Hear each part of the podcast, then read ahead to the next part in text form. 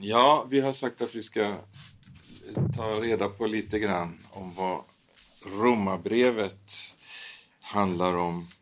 Det är ju så att Romarbrevet är ju oerhört centralt när det gäller just eh, en undervisning om frälsningens grund och, det som vi verkligen tror på, rättfärdiggörelsen genom tron.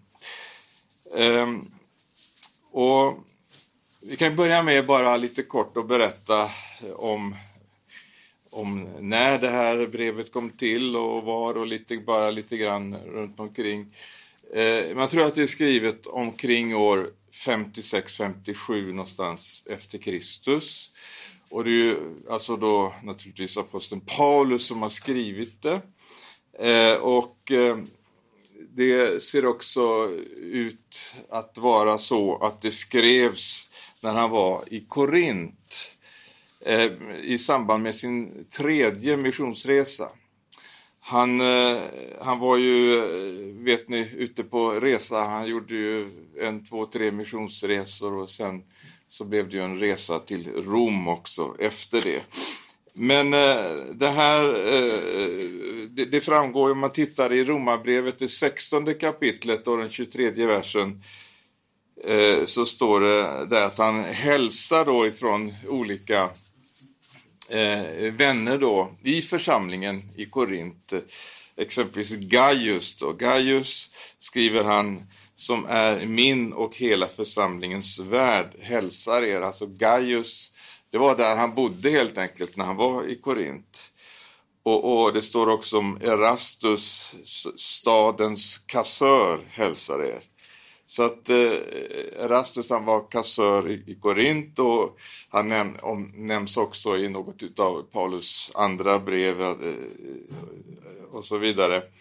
Men eh, eh vi, vi, förstår av allsammans det här att Paulus han befinner sig alltså i Korint och, och, det här är ju då liksom, kan man säga, eh, ganska i slutet utav Paulus missionsgärning. Vi vet att eh, han, eh, han var alltså på den här resan och, och så, som det väl också framgår, det var ju, han hade ju talat om en insamling som skulle göras för församlingen i Jerusalem.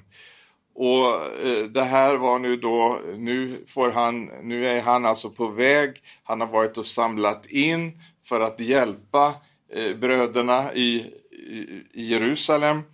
Så att nu är han på den här eh, resan då och ska åka dit. Men samtidigt så tänker han på vad som ska ske efter att han har varit i Jerusalem. För Paulus, han hade verkligen den här brinnande missionselden i sitt hjärta. Och, och han liksom eh, såg framför sig att eh, han skulle liksom göra en resa till. Han skulle resa till Rom. Och, men bara liksom för att eh, en kort tid vara där, för, för, att de skulle hjälpa honom att kunna förbereda, för han skulle vidare till Spanien och, och, och, predika. Han, han liksom eh, upptäckte att eh, nu, nu har han liksom eh, utfört sitt verk i de här östra delarna. Nu skulle han söka sig västerut. Men eh, det var nog så att han aldrig kom till Spanien. Eh, när han kommer till Jerusalem så fick han ju eh, liksom eh, möta det här med, med hur de religiösa så att säga eh, anklagar honom och, och, och, han får vädja till kejsaren och, och sen så blir det en resa till Rom, till kejsaren. Men eh, han skriver ju vissa saker och, och för övrigt, eh, det var en kvinna som fick överlämna det här brevet till församlingen i, i eh, Rom. Romarbrevet är alltså skrivet till församlingen i Rom, det framgår ju tydligt, eller hur? Eh, eh, det var en kvinna, om man läser i Romarbrevet 16 kapitel, så, så i första versen där, så står det så här. Här talar alltså Febe om eh, en diakon eller diakonissa som hette Febe. Och, och hon var alltså i, i församlingen i, i församlingen i Kenkrea. För det är alltså Kenkrea är en hamnstad till Korint. Och det, det, är alltså hon som uppenbarligen reser till Rom och har med sig brevet. Och, och där i 16 kapitlet i den första versen kan vi läsa Vår syster Febe som tjänar i församlingen i Kenkrea vill jag lägga ett gott ord för. Tag emot henne i Herren på ett sätt som anstår de heliga och hjälp henne med allt hon kan behöva från er. Hon har själv varit en hjälp för många och även för mig.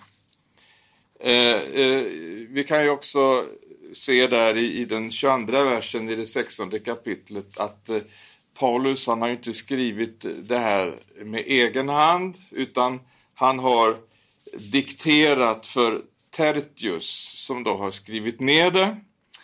Och som sagt, eh, det, det skrevs då när han var i, i eh, Korint. Vi kan läsa de där verserna i, eh, i Apostlagärningarna 20 och 2. Så, så, står det där så här att han reste genom det området och talade många uppmuntrande ord till bröderna. Därefter kom han till Grekland, alltså Korint ligger i Grekland, där han blev kvar i tre månader. Så att eh, man menar att det var här, vid det här tillfället, de, under de här tre månaderna, under den perioden, som man då skrev Romarbrevet. Och året är alltså antingen 56 eller 57 efter Kristus. Och, och ehm, eh, här eh, här blir han alltså kvar i tre månader. Men han skriver romabrevet efter det att han har skrivit första och andra korinterbrevet. Och, och sen så vet vi att han skriver flera brev när han sen kommer till Rom också. Men eh, eh, vi, vi, kan läsa det här i, Rom, i Romarbrevet 15 och 19 också. Så har jag från Jerusalem och runt omkring ända till i Lyrien överallt predikat Kristi evangelium. Och han, han eh, talar vidare om att han eh, inte vill bygga på någon grund som någon annan har lagt utan därför så söker han sig hela tiden till nya områden. Och eh, i den tjugonde versen eh, så kan vi läsa eh, Ja, just det. Jag har satt en ära i att förkunna evangeliet där Kristi namn ännu inte är känt så att jag inte bygger på en grund som någon annan har lagt. Och Sen är det så här att eh, det, det, står också att Paulus, han har liksom under lång tid velat komma till Rom och besöka dem, men han har blivit förhindrad. Och, och eh, lång tid, alltså om, låt säga att nu, nu är det skrivet då 56, 57 efter Kristus. Eh, alltså det har gått, säg en dryg 20-årsperiod från det att Jesus dog och uppstod.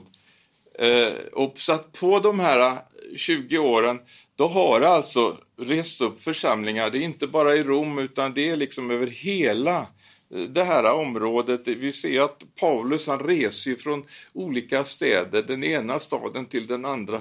Och, och det liksom eh, antingen finns församlingar eller bildas nya församlingar.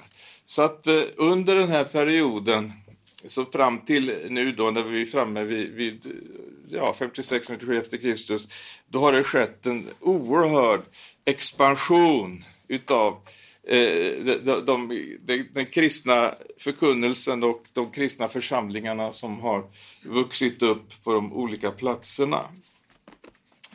Eh, och Paulus han förklarar det också, vi kan, vi kan faktiskt läsa eh, i den eh, 18 versen också, att han säger så här att eh, jag vågar inte tala om annat än det som Kristus har gjort genom mig för att föra hedningarna till lydnad.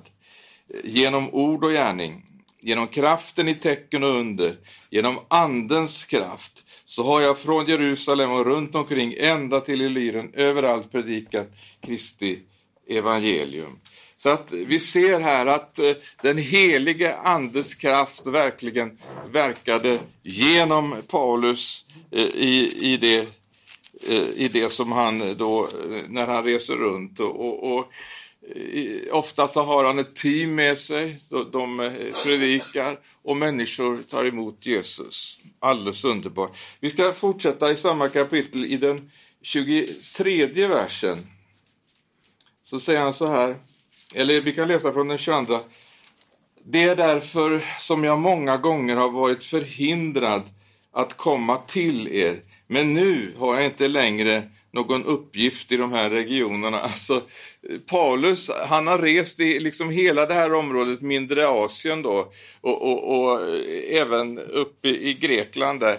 Men nu har jag inte någon uppgift mer i de här regionerna. Alltså med andra ord så säger, säger han att, att eh, nu, nu har han lagt grunden i de här områdena. Nu ska han inta nya områden, nu ska han västerut. Och så säger han, och jag har längtat i många år att besöka er. med andra ord, och, och det här tycker jag är intressant, jag har längtat i många år att besöka er. För det första så förstår vi att Paulus har inte varit här tidigare. Eh, eller hur? Jag har längtat i många år. Det måste ha, så att säga, bildats en församling i Rom väldigt tidigt. Katolikerna de säger att det var Petrus som, som grundlade eh, församlingen i Rom. Men det finns ingenting som säger att Petrus skulle ha varit där eh, under liksom den här perioden då, eh, under de här åren då som, som har gått fram till det här året när han skriver brevet. Utan vad, vad, man kan tro det är det att det var helt enkelt så att eh, de, det som skedde på pingstdagen, där står det att det var de som hade kommit tillresande från Rom. De fanns med där när liksom den heliga ande föll på pingstdagen. Då står det om olika grupper som hade kommit, men så står det också om de som hade kommit tillresande från Rom, alltså år 33 efter Kristus. Och så förmodligen, vi kan inte veta, men förmodligen så tog de med sig det som de upplevde där i Jerusalem på pingstdagen. Det tog de med sig till Rom och så växte det så småningom fram församling, alltså det var inte så att det var en stor lokal och en massa eh, folk som samlades på ett och samma ställe. Utan när Paulus hälsar i det sextonde kapitlet till församlingen i Rom, då är det massa husförsamlingar. Så att i Rom, där var det inte liksom en eh, stor eh, församling på det sättet som samlades, utan han hälsar till församlingen som samlas i deras hus, församlingen som hamnar, eh, och vi kan läsa det innan till i 16 kapitlet, där det står så här, eh, att eh, eh i, i den eh, tredje versen, hälsa Priscilla och Aquilla, mina medarbetare i Kristus. De har riskerat sina liv för mig och inte bara eh, jag utan alla hedna kristna församlingar tackar dem. Hälsa också församlingen som möts i deras hus. Hälsa eh, min älskade Epenetius som är Asiens förstlingsfrukt till Kristus. Hälsa eh, Maria som har arbetat mycket för er. Hälsa Andronikus och Junia, mina landsmän och medfångar, som är högt ansedda bland apostlarna och som kom till Kristus före mig. Hälsa min älskade Ampliatus i, i, i Herren. Hälsa Urbanus, vår medarbetare i Kristus, vår älskade Stackus. Och hälsa Apelles prövade i Kristus. Hälsa dem som tillhör Aristobulus familj och, och så vidare så står det om dem som liksom samlas på olika platser eh, och, och, och, olika vänner. Så att vi ser att det, det, är liksom eh, flera husförsamlingar som, som räknas upp här. Men det står aldrig om den här stora församlingen. Men det är klart att de var syskon som liksom samlades på olika sätt. Men det här var själva grunden, det var de här husförsamlingarna. Eh, så att eh, att Petrus skulle ha varit i, i Rom innan här nu, innan Paulus kommer dit, det, det är uteslutet. Det, det, det, alltså, här räknar alltså Paulus han räknar upp en massa namn på de som finns i Rom. Och de som är, liksom är betydande och ledare på olika sätt. Men det finns ingen Petrus här i den här uppräkningen. Skulle Petrus varit där och verkat där så skulle han naturligtvis varit omnämnd i den här uppräkningen. Men det är han inte. Så att eh, det är ett argument och det finns många, många fler. Det finns eh, de som har skrivit eh, samtida historia som också kan intyga att det är på det här sättet att Petrus han kom visserligen till Rom, men det var alldeles strax innan det att han så att säga skulle bli korsfäst. Vi vet att eh, traditionen säger att han blev korsfäst upp och ner. Och Paulus blev halshuggen. Båda blev det i Rom. Men i alla fall, vi, vi vet att Petrus, han var på annat håll. Han var inte där. Eh, men om vi nu ska då gå in i, i själva brevet så tänkte jag så här att vi kan, vi kan ju börja lite från början. Och jag tänkte inte gå så fort fram utan eh, börja helt enkelt i det första kapitlet. Och då kan vi läsa där de första fyra verserna. Från Paulus, Kristi Jesu tjänare, kallad till apostel, avskild för Guds evangelium, eh, som han har utlovat genom sina profeter i de heliga skrifterna. Evangeliet handlar om hans son, som till sin mänskliga natur är född av Davids sätt och som genom helighetens ande med kraft har bevisats vara Guds son efter uppståndelsen från de döda, Jesus Kristus vår Herre. Alltså Paulus han presenterar sig själv, han börjar med från Paulus. Vi, eh, och det var ju det sätt som man liksom skrev brev på den tiden. När vi skriver brev idag, vi skriver kanske inte brev på samma sätt, men vi skickar väl e-mail då, men då skriver vi namnet längst ner. Men på den här tiden då skrev man sitt namn längst upp. Så från Paulus, Jesu Kristi tjänare, kallad till apostel, avskild för Guds evangelium. Halleluja! Som han har utlovat genom sina profeter i de heliga skrifterna. Och jag tänkte bara, vi tar något exempel bara just om detta han som har blivit utlovad i de heliga skrifterna. Vi kan leva, läsa i Daniel, liksom det nionde kapitlet, 24 versen, så, så ger ju Eh, Daniel genom profetisk uppenbarelse den här historiska genomgången när han talar om de här 70 veckorna eller årsveckorna. Eh, och då står det i 24 versen här, 9. kapitlet, 70 veckor är bestämda över ditt folk och över din heliga stad för att göra slut på överträdelse, försegla synder, försona skuld, föra fram en evig rättfärdighet, fullborda syn och, syn och profetia och smörja den allra heligaste. Det ska du veta och förstå från det att ordet gått ut om att Jerusalem ska återställas och byggas upp till dess att den smorde försten kommer ska det gå sju veckor och 62 eh, veckor. Gator och vallgravar ska byggas upp igen trots svåra tider. Men efter de 62 veckorna skall den smorde förgöras helt utblottad. Och Det här är väldigt intressant, men det hinner vi inte gå in på nu. Men tänk att Daniel så här långt i förväg kunde liksom få ett schema, till och med fasta tidpunkter när saker och ting ska ske. Och här talar han om Jesus som skulle komma och göra slut på synd och överträdelse och, och ge försoning och, och, och frambära en evig rättfärdighet. Så att eh, här pekar det fram och det är det som, som, som Paulus säger här, att eh, Guds evangelium som han har utlovat genom sina profeter i de heliga skrifterna. Och vi skulle kunna ta fram mängder av sådana här exempel. Eh, och, och eh, vi, vi, kan faktiskt citera också från första Petrus eh, som eh, tar upp det här i, i det första kapitlet, tionde versen. Det var denna frälsning som profeterna sökte och forskade efter.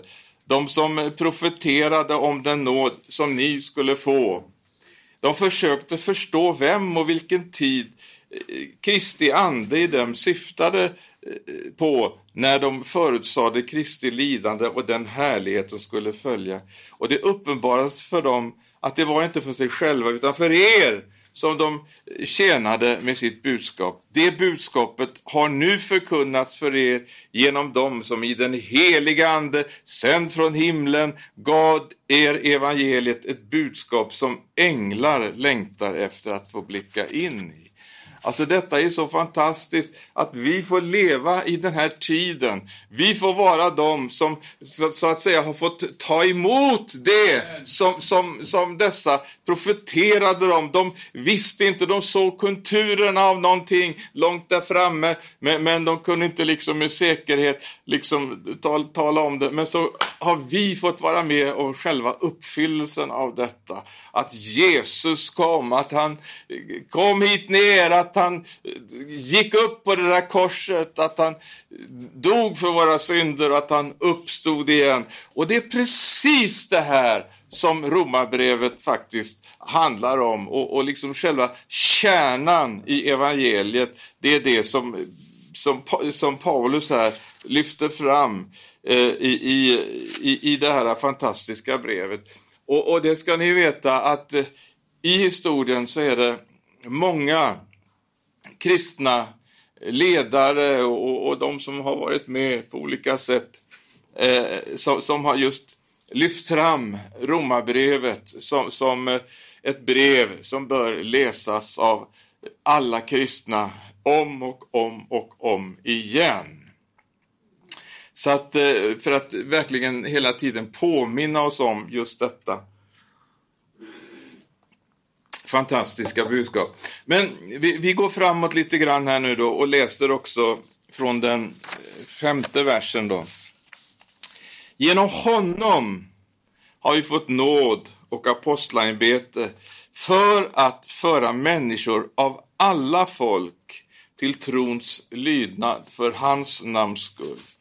Bland dem är också ni som är kallade till att tillhöra Jesus Kristus. Jag hälsar er alla, Guds älskade som bor i Rom, hans kallade och heliga. Nåd vare med er och frid från Gud, vår far och Herren Jesus Kristus. Så att eh, här ser vi också eh, Paulus, han gör det ju väldigt tydligt att det handlar liksom inte bara om att eh, eh, eh någon slags eh, ytlig beröring utan det handlar om ett djupgående verk när vi omvänder oss så att det handlar om att föra alla folk till trons lydnad. Trons lydnad, det, det handlar om att så att säga låta Jesus Kristus bli Herre, att bli hans efterföljare, att bli hans lärjunge. Och, och det var det budskapet som de predikade, att eh, det, det var det, det, handlar om en livsförvandling. Men vi läser vidare. Först och främst tackar jag min Gud, det är alltså åttonde versen, genom Jesus Kristus för er alla, eftersom man i hela världen talar om er tro. Fantastiskt! Det, det som har skett där i Rom, det har blivit att man talar om det över, har ni hört vad som har skett med, med, med dem i Rom där. Och, och, så liksom går ryktet ut. Tänk om det kunde bli och, och, så om oss kristna här i Sverige, att ryktet går ut. Har ni hört vad som har skett med de kristna i Sverige? Har ni hört? De har ju blivit så levande och så fyllda av den heliga Ande och Guds ord. Och, och, och, och, och, det händer så mycket runt omkring dem därför att Guds kraft är verksam. Det vore väl härligt? Ja, det vill vi ha. Man talar i hela världen om en tro. Gud som jag tjänar i min ande när jag förkunnar evangeliet om hans son är vittne till hur jag ständigt nämner er i mina böner. Och här nämner också Paulus och det här som har med förbönen att göra och det är så viktigt. Vi ber inte bara för liksom eh, våra egna plågor och, och, och det som är utan vi ber för alla alla de heliga, alla de som, som så att säga, vi ber för Guds folk.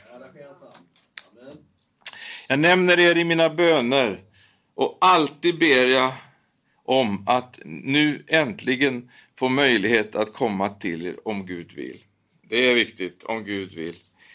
Jag längtar efter att få träffa er och dela med er av någon andlig gåva åt er så att ni blir styrkta, alltså att vi tillsammans får hämta uppmuntran ur vår gemensamma tro, er och min. Alltså detta att få vara med och dela av det som Gud har gett mig. Jag vill vara med och dela det med mina syskon. Det, det är liksom ett inneboende behov, men också få dela från dem Halleluja, det är ett underbart andens utbyte. Bröder, jag vill att eh, ni ska veta att jag många gånger har bestämt mig för att komma till er och skörda någon frukt bland er, liksom bland andra folk. Alltså här också just detta, det var inte bara att han skulle ge ut, utan det var också att få vara med, att ta emot. Men hittills har jag varit förhindrad. Jag har skyldigheter både mot greker och barbarer, både mot lärda och olärda. Därför är det min önskan att få predika evangeliet också för er i Rom. Jag, jag tänkte på det här ordet, jag har skyldigheter. Är det bara Paulus som har skyldigheter? Nej, jag tror faktiskt det är så här att vi har skyldigheter. Och det, det, vi vet att eh, när vi blir frälsta då fick vi, då blev vi av med synd och skuld. Då blev vi skuldfria. Eh, vi, vi fick eh, så att säga kasta av oss våra skuldbördor.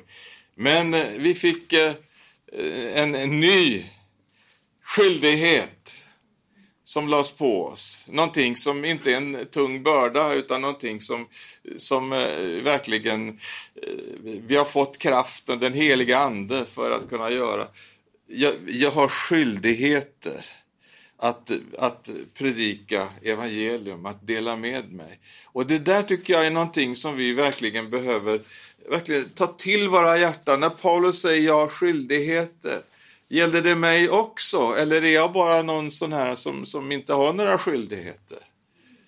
Hur är det? Har vi skyldigheter? Vi har blivit betrodda med försoningens ord. Vi har fått ett förtroende.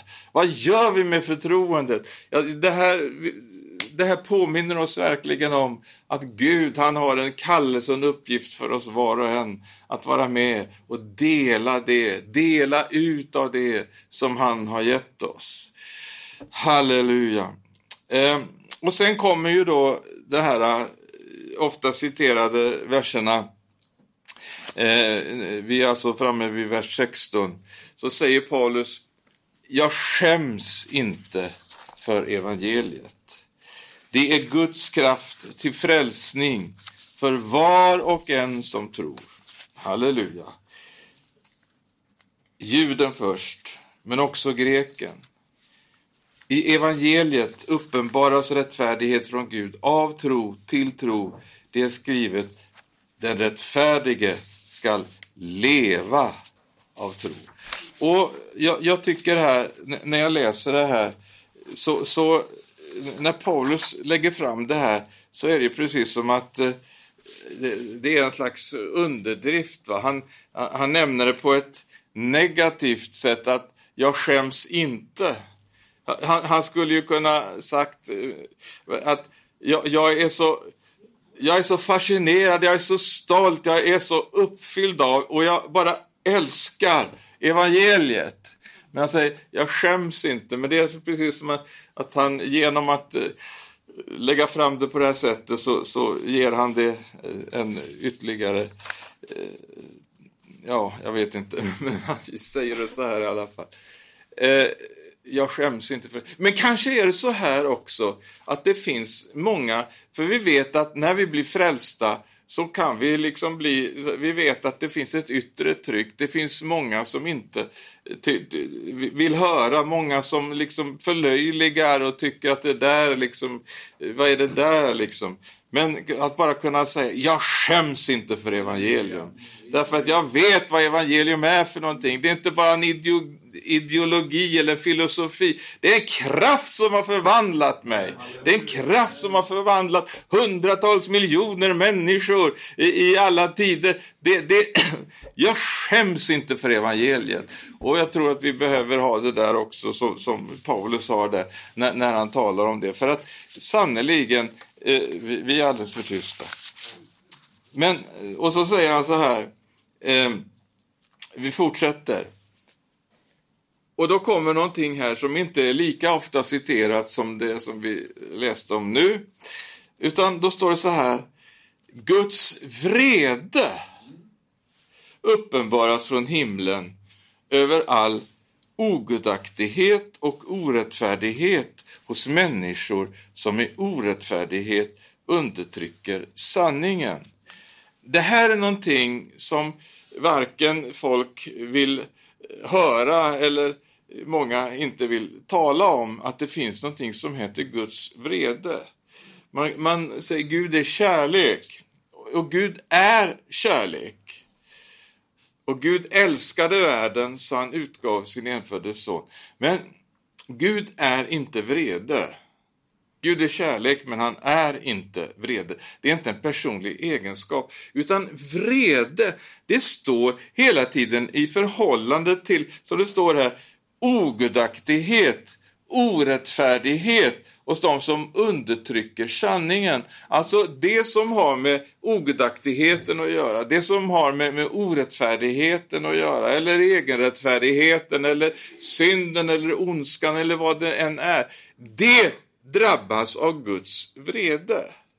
Men om ingenting av detta finns, så, så, så finns ju inte Guds vrede heller. Så det, vad jag menar det är det, det är inte en egenskap av Gud, hos Gud, att Gud är eh, vredens Gud, utan Gud är kärleken. Men, och det vore ju hemskt, jag menar, om Gud inte bestraffade ondskan.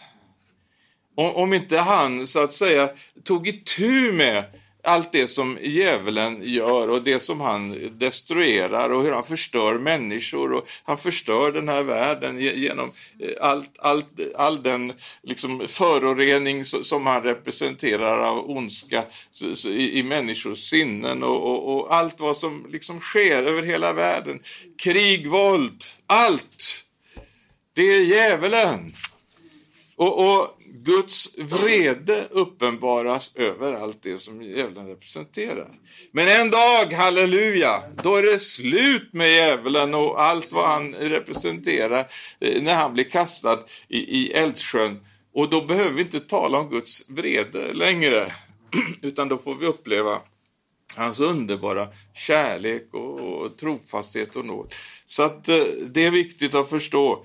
Eh, en del kristna, de, de liksom ursäktar Gud. Liksom. De, eh, de, de tänker nästan som att det är en slags defekt i hans karaktär. Att, att, att han liksom, ja, liksom, han, han, han, har svårt med temperamentet och, och, och så, så han kan bli på väldigt dåligt humör ibland. Men så är det ju inte. Utan det är någonting som är absolut nödvändigt på samma sätt som det är ett samhälle. Liksom, vi vill inte ha en anarki. Det måste ju finnas liksom polismyndigheter, det måste finnas domstolar, det måste finnas fängelser, det måste finnas liksom det här eh, så, som överheten, om den är av Gud, står det, den ska bestraffa det onda och uppmuntra det goda. Ibland så kan det se tvärtom ut. Men, men, men det är i alla fall det som är Guds grundtanke, att det ska vara så. Så att eh, Gud är den rättfärdige domaren och, och, det är ju, bara det är ju så fantastiskt att han dömer liksom inte varken på, på något eh, subjektivt sätt eller på något... Han har med alla fakta. Han vet allt. Han vet allt.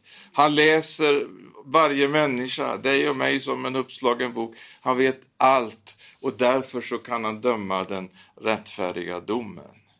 Och det kan inte vi människor göra. Vi kan döma och fördöma på alla möjliga sätt därför att vi vet inte och känner inte de innersta orsakssammanhangen till varför det är på det ena eller det andra sättet. Men eh, om man nu har läst det här, Guds vrede uppenbaras från himlen över all ogudaktighet och orättfärdighet hos människor som med orättfärdighet undertrycker sanningen. Så, så, så om vi går vidare där så, så, fortsätter ju Paulus på det här temat och så säger han att det man kan veta om Gud är uppenbart bland dem eftersom Gud har uppenbarat det för dem.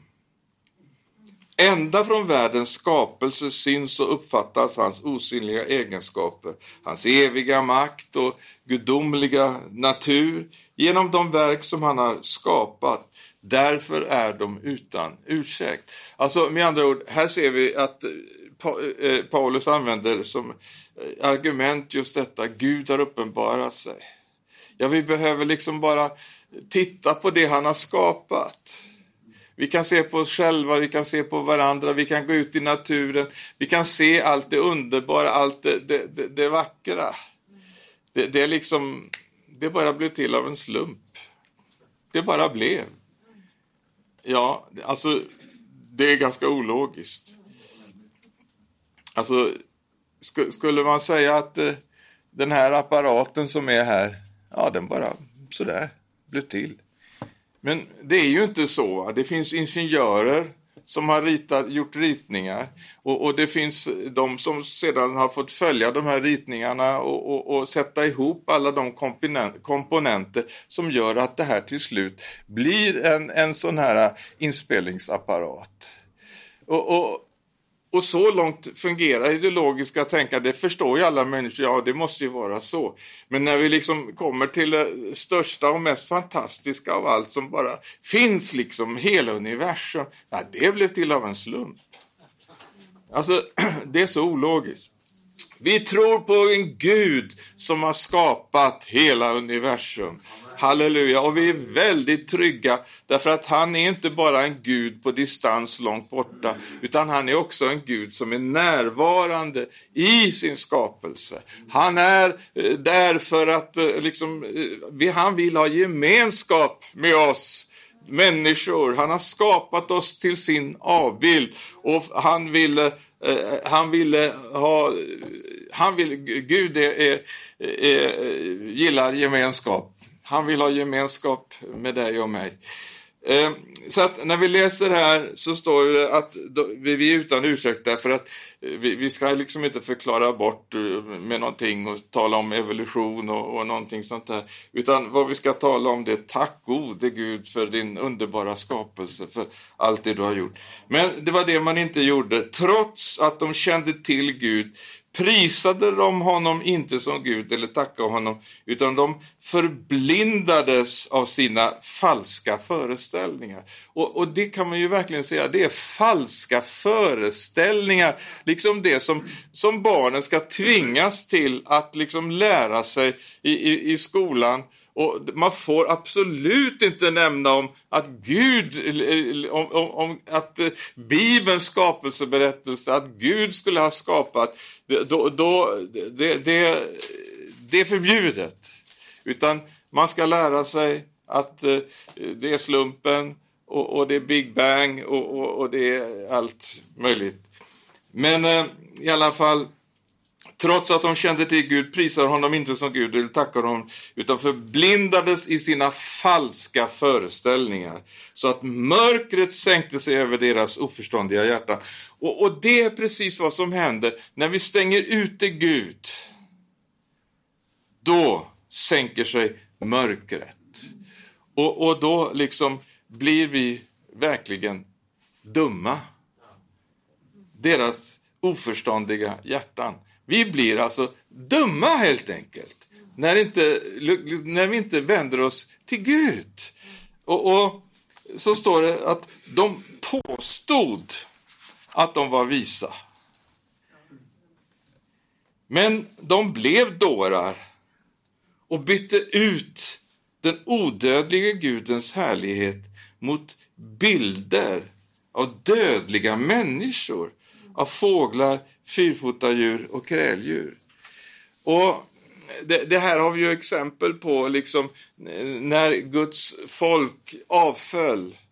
Vi vet vad som skedde där borta eh, eh med, med, Israels barn i Egypten. Där vid Horeb. Det står att de gjorde en kalv vid Horeb och tillbad en avgudabild. De bytte bort sin härlighet mot bilden av en tjur som äter gräs. Står det. Alltså, där ser man liksom, när, när Gud försvinner, ja då helt plötsligt, Gud hade ju liksom skapat människan till sin avbild och, och människan skulle råda över skapelsen, över djuren. Men här liksom blir det tvärtom. Här tillber hon en, en, en kalv istället. Så att man ser att det, det, det, man blir förmörkad va? i sitt sinne. Och, och, och, man kan liksom inte eh, liksom urskilja saker och ting. Man lever i mörker. Och så vet vi att eh, sen kommer Mose ner och får se det här och, och, och får vara med och, och, och tala profetiskt. Men eh, det står ju i det andra budet så här i andra Mosebok 20 och 4 att du ska inte göra dig någon bildstod eller avbild av det som är uppe i himlen, nere på jorden eller i vattnet eller under jorden. Du ska inte tillbe dem och tjäna dem, för jag, Herren, din Gud, är en nitisk Gud. Så att eh, det här är någonting som eh, verkligen är viktigt att vi förstår. Vi har bara honom som sitter på tronen. Vi tillber inte, och, och samma galenskap är ju egentligen det här, det här ordet att eh, bilder, står det, av dödliga människor. Bilder, det grekiska ordet är ikon. Ikon. Alltså, bilder, en ikon av dödliga människor. Det är ju precis det som, som en del ägnar sig åt som, som eh, eh, då, då i olika kyrkliga sammanhang. Det har blivit så populärt med ikonmålningar. Har ni hört om det? Att man ska måla ikoner och så ska man ställa upp dem där när man ska be och så vidare. Men här, här säger, säger Bibeln att, eh, att när det där sker, ja då visar det att det, det är ett avfall, det är en avvikelse som sker. Eh, så att eh, de blev dårar, står det. Eh, och sen så kommer den här eh, fortsättningen. Och det här är, är ju liksom väldigt eh, eh, omdiskuterat idag. Men Guds ord står fast.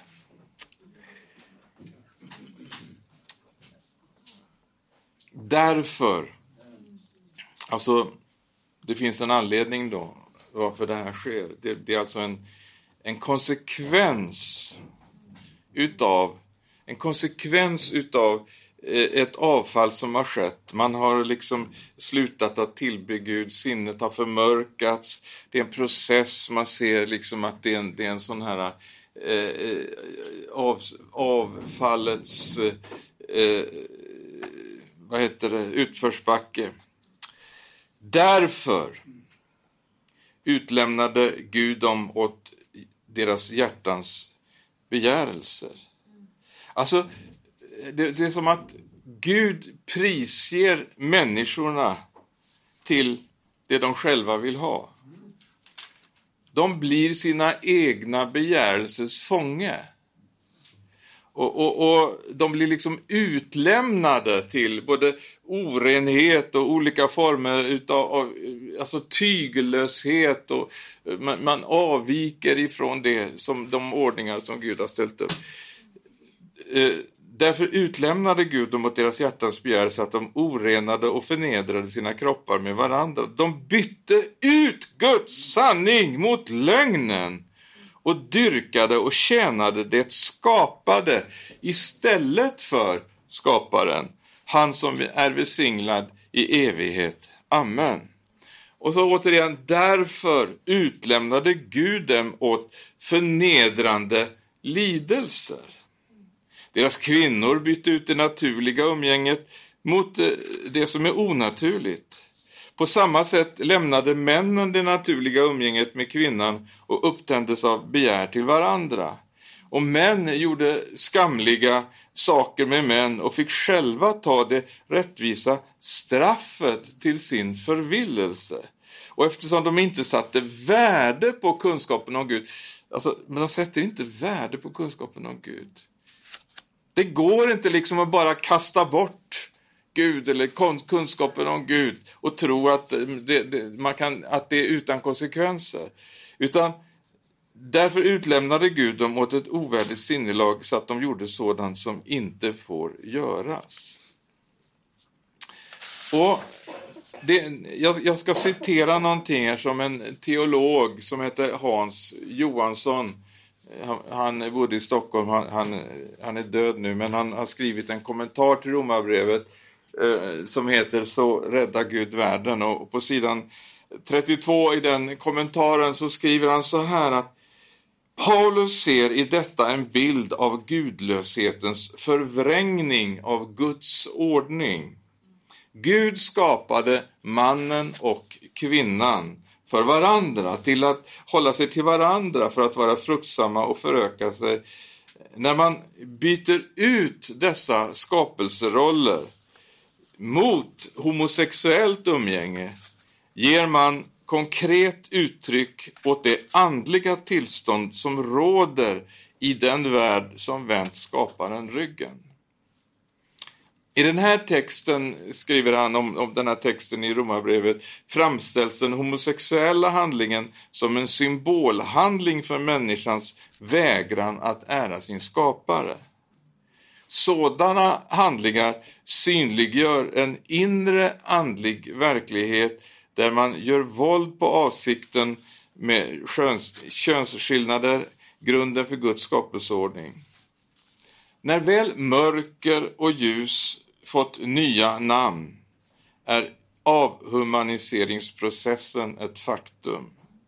I takt med samhällets sexualisering framträder en veritabel dyrkan av sex där upplevelsen av sexuell njutning frikopplas från kärlek och trohet. Skriver denne man. Och eh, det, det är ju underbart att det finns tydliga röster. Men i, i, i Saltaren i den 81 salmen i, i vers eh, 12 så står det så här. Mitt folk ville inte höra min röst. Israel lydde mig inte. Då lät jag dem gå i sina hjärtans hårdhet de fick vandra efter sina egna planer. Alltså med andra ord, Gud släppte. De, de får göra det som de planerar själva. Och, och, och det leder ju till en förhärdelse naturligtvis. Men eh, vi vill inte vara upproriska, vi vill inte vara eh, olydiga, utan vi vill, som Paulus säger, omvända oss till trons lydnad och, och, följa Jesus Kristus och den väg han har. Och, och, vi säger inte att det är en gräddfil till himlen. Vi vet att det finns många passager, det finns mycket som kan vara både svårt och jobbigt på olika sätt. Därför att vi har en kamp att utkämpa mot förstar och väldigheter och världshärskare, står det. Men eh, Jesus har vunnit seger. Han har sagt, jag är med er alla dagar intill tidens ände. Men eh, vi ser det här, alla de här eh, falska föreställningarna eh, som liksom räknas upp här. Och Paulus han fortsätter i den 19 versen. Så står det så här. De har blivit fyllda av all slags orättfärdighet, ondska, girighet, elakhet. De är fulla av avund, mordlust, stridslystnad, svek och illvilja. De skvallrar och förtalar, de hatar Gud och brukar våld. De skrävlar och skryter, de är påhittiga i det onda och olydiga mot sina föräldrar, vettlösa, trolösa, kärlekslösa och hjärtlösa. De känner mycket väl till att Guds rättvisa dom, eh, att de som handlar så förtjänar döden. Ändå gör de sådant och de samtycker dessutom till att andra gör det. Så att eh, det här är det första kapitlet i Romarbrevet eh, när Paulus tar upp de här sakerna. Och, och, vi ska titta lite grann sen på vad som är eh, liksom eh, hur, hur han eh, fortsätter här i kapitlen som kommer framåt eh, och se hur han eh, här i det första kapitlet så ser vi, han talar om det här med orättfärdigheten. I andra kapitlet så, eh, så, så ligger fokus mer på egenrättfärdigheten. Sen i tredje kapitlet så, så visar han att alla de här orättfärdiga, egenrättfärdiga och allt vad det liksom är, alla har syndat och saknar härligheten från Gud. Och där börjar den här underbara undervisningen sen om rättfärdiggörelsen genom tron. Men vi kommer in på det, vi har ytterligare en lektion här.